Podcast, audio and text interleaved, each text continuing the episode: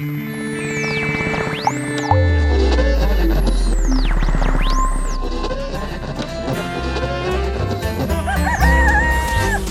dag als de wekker gaat, spring ik uit de veren.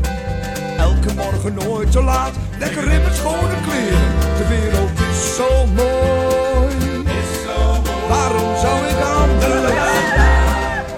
Welkom bij de vijfdelige podcast Leiden met de missie van Jos Groen en Peter Vader.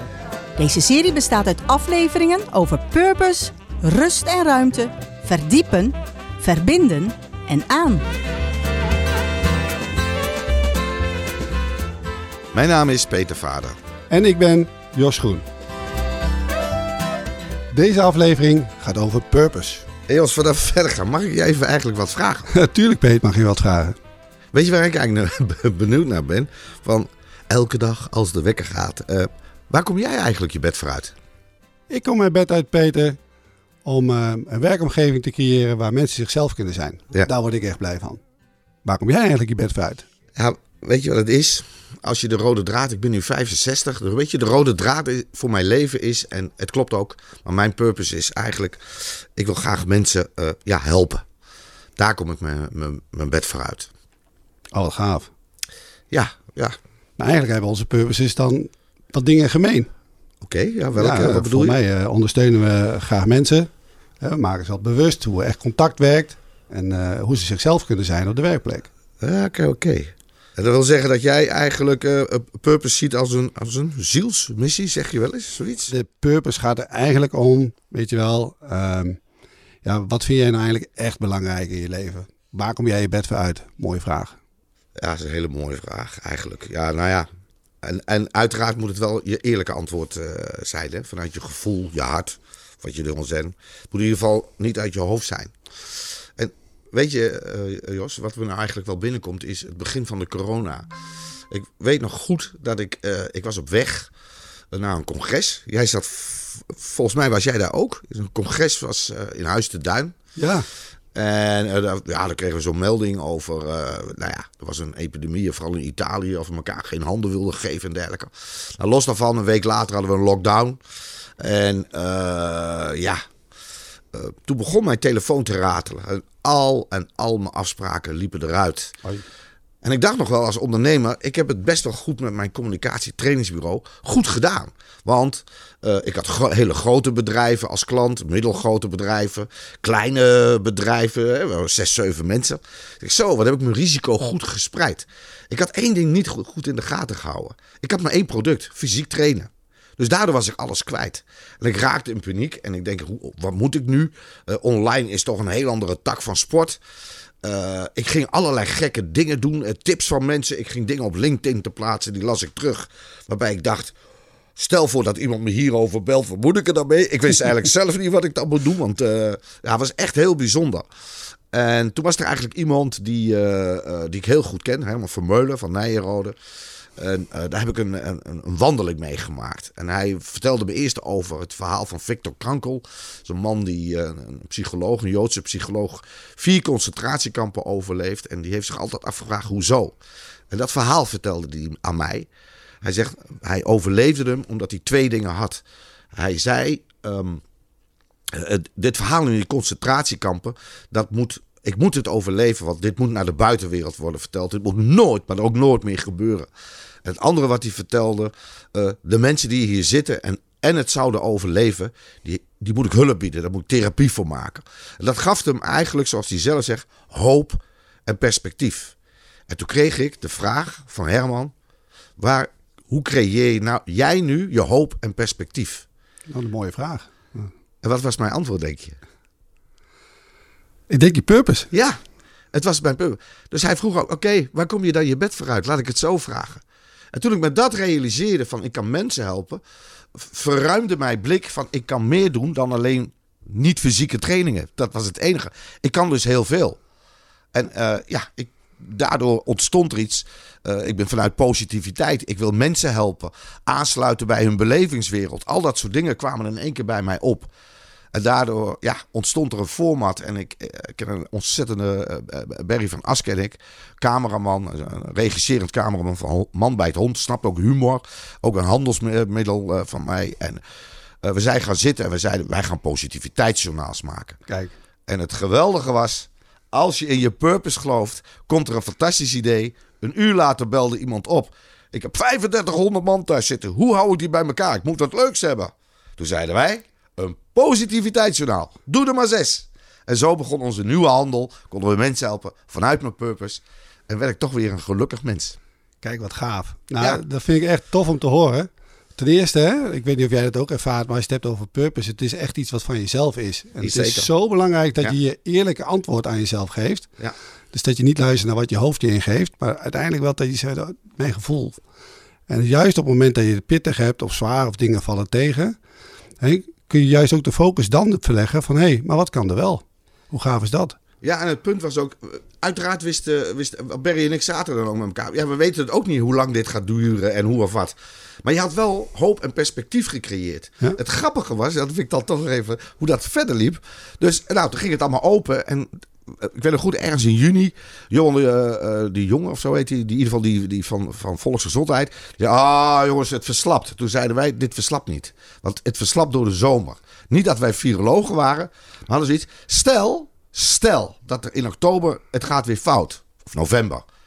Dan heb je kerst en oud en nieuw. En verdraait, wat gebeurt er? In oktober ging het weer een lockdown. Weer de agenda leeg. Wij raakten weer niet in paniek. Het was gelijk. Barry, het is zover. Oké. De kerstverhalen, nieuwjaarsboodschappen, uh, kerstkaarten, clips. Uh, enfin, we hadden gelijk weer werk. Omdat we gewoon ja, onze eigen hoop en perspectief hadden gecreëerd. Maar ook een middel in handen hadden waar we mensen konden helpen. Allemaal opgebouwd vanuit de purpose. Nou, gaaf is dat. Ja. ja het is echt een... Uh, ja, het is zoals het werkt. Alleen je moet hem wel even kennen van jezelf. Maar ja. goed, hè, als een leider Hè, eh, als ik dan kijk naar purpose en wat een, uh, wat een leider vanuit een purpose wel niet kan brengen, maakt volgens mij toch ook wel een beetje verschil of je wel of niet geloofd wordt of dat mensen je wel of niet vertrouwen. Ja, want dat, ik, ik, ken natuurlijk jouw manier van uh, hoe jij leiderschap hebt ingevuld. Mm -hmm. toen je, nu werk je voor jezelf. maar hoe heb jij je purpose vertaald naar jouw medewerkers? Want je hebt steeds andere bedrijven, andere teams, maar je hebt wel dezelfde purpose. Ja, nou ja, dat is natuurlijk per situatie verschillend. Maar waar ik eigenlijk altijd wel aan vasthouden is dat als ik kom, dat ik zeg: jongens, luister, het gaat hier helemaal niet om mij. Nee. Het gaat mij erom dat wij hier met z'n allen hè, samen uh, weer duurzaam succesvol worden. En dat gaat helemaal niet over mij. Ik ben hier om jullie te helpen. En dat is toch wel iets wat mensen dan. Eerst zeggen ze, ja, ja, daar hebben we er maar weer Wekt dat niet ineens, oh, daar heb je weer zo'n uh, ja, passerende manager. Ja, dan zeggen ze gelijk, ja, ja, daar hebben we er weer een. En uh, weet je wel, die doet in de eerste weken weer allerlei van die beloften. Ja, en die ja, komt hij toch niet na. Nee. Totdat ze merken dat het echt is. Ja. Maar hoe verbind je ze dan met jouw purpose? Doe je dat is, in meetings of, of één op één gesprekken? Of hoe pakte jij dat aan eigenlijk?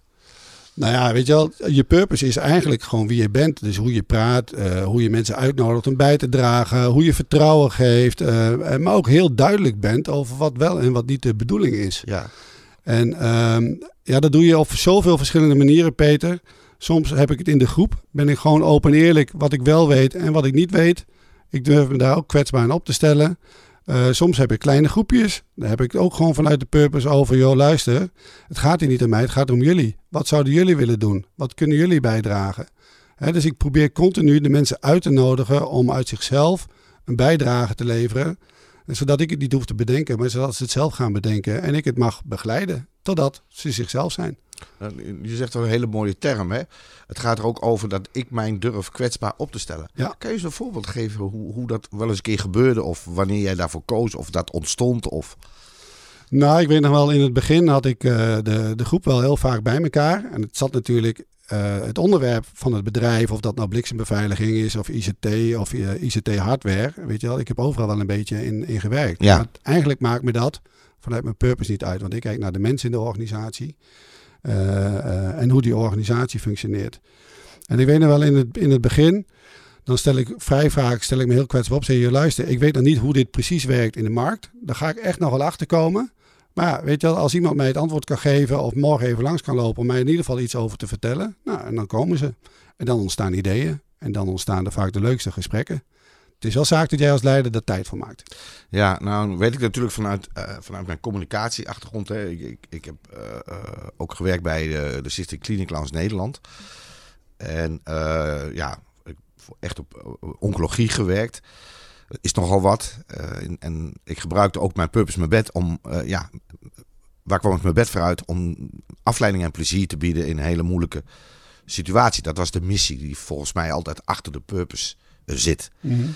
En uh, daar creëerde ik vertrouwen en veiligheid door, door in echt contact te kijken. Maar ook door aan te sluiten bij de belevingswereld uh, van het kind. Wat is de situatie? We werden uh, geïntroduceerd en dergelijke. Hoe heb jij je mensen gekeken? Want uiteindelijk werd mij ook duidelijk dat mijn purpose bepaalde ook een bepaalde richting. Daardoor kon ik met de ene klant bijvoorbeeld, artistiek technisch ook natuurlijk, maar met de ene beter samenwerken met de andere. Als wij allebei ongeveer dezelfde purpose hadden, dezelfde richting konden aangeven aan elkaar, was dat makkelijker. Wat gebeurt er eigenlijk in een team als jij met je purpose ook een bepaalde richting van het team bepaalt als leider? Mm -hmm. En ik geloof daar niet in als medewerker. Ja, nou, A, ik hoop dat in mijn teams uh, daarin altijd de openheid is om uit te spreken of iets wel of niet bij je past. Dus ik heb altijd zoiets, joh, kom dan met een idee of kom er maar mee. Weet je wel, dan kunnen we daarmee samen kijken, joh, gaat het wel of gaat het niet werken. Het kan ook een opmaat zijn naar, uh, naar duidelijkheid. Aan de andere kant, um, uh, ik denk toch dat het met name de openheid is waar ik gewoon ja, eigenlijk altijd wel aan vasthoud. Maar nou, dan zal ik hem iets steviger zeggen, Jos. Doe maar, Peter. Hè? Ja. Ik zie dat, dat je... Mijn ding, hè? maar als, als je een medewerker er niet in is het dan take it to leave it? Ga dan weg. Ja, in die zin. Ik, uh, ik bezit wel de mogelijkheid, of in ieder geval het idee is, dat die mensen daar dan zelf achter komen. Dus dat ze eigenlijk zelf ontdekken, ja. dan pas ik niet bij dit team, dan moet ik wat anders zoeken. Ja, en dan zie je dat mensen weggaan omdat ze eigenlijk hun werkgeluk ergens anders zoeken. Uh, maar je ziet ook dat de mensen blijven. En de mensen die blijven, die haken juist aan bij de beweging waar je mee bezig bent. Die haken aan op de energie die in de organisatie aan het ontstaan is. Ja, en als je aanhaakt, weet je wel, dan gaat ook je gevoel meespelen. Dan ga je veel meer uh, rust ervaren in je eigen systeem. Ik hoef niet iedere keer te presteren. Het is oké wie ik ben. Jos ziet mij zoals ik ben. Uh, dat is oké. Ik stimuleer mensen in hun, in hun creativiteit of te doen waar ze goed in zijn. Het mooie is als mensen dus in hun kracht komen, uh, worden ze rustiger, gaan ze veel meer bijdragen. Ja, en uiteindelijk, die mensen die blijven, die vertellen dat weer door. En die nemen eigenlijk de anderen mee op sleeptouw die misschien nog twijfelen of die misschien nog cynisch zijn. En dan zie je dat er een soort beweging op gang komt die elkaar versterkt. Ja, en dat is echt heel krachtig. Ja, zeker. En uh, ik heb een aantal onderdelen dan mogen doen. Onder andere ook echt over communicatie. En ik weet ook waar ze uh, vaak uh, gelukkig bleef er wel meer hangen hoor. Maar één ding die ze altijd heel erg terugkwamen als ik weer uh, jouw, team, uh, jouw team, waar je op dat moment leider van was, ontmoette. Dat ze altijd zeiden wat ik, wat ik zo mooi vond. Als je dat hebt vanuit je purpose, die gelijkwaardigheid, de menselijke kant open staat. Je, je mag er zijn. Mm. Je mag zijn wie je bent. Hè, zoals jij een aantal van deze dingen aangeeft is dat als een collega soms een beetje over de theewater is door iets. En die komt met een hele grote mond naar je toe. Dat je niet gelijk een uh, grote mond teruggeeft of dergelijke. Maar dat je eigenlijk tegen je collega zegt. Hoor je hoe je het tegen me zegt? Wat is er met je? En 9 van de 10 keer zeggen ze dan krijg je, ah sorry, dat komt omdat. En er is daarvoor wat af, voorgevallen waarom die eigenlijk reageert in zich af. En je gaat dus niet de strijd aan, je gaat aansluiten bij elkaar. Ja. En je helpt elkaar. En dat creëert, vind ik ook altijd, wat uh, als we met geeltjes en noem eens woorden, mm -hmm. heel vaak ook, dat creëerde vertrouwen en veiligheid. Ja, en daarmee ook rust. En rust. Want het werd uiteindelijk ook heel duidelijk van mensen wat ze aan mij hadden. Ja. En wat ze ook niet aan mij hadden. En wat mijn goede kanten waren en ook mijn zwakke kanten. Nou ja, weet je wat, als dat maar duidelijk is, ja. dan weet je precies wat je aan elkaar hebt. En dat wist ik ook van ieder individu.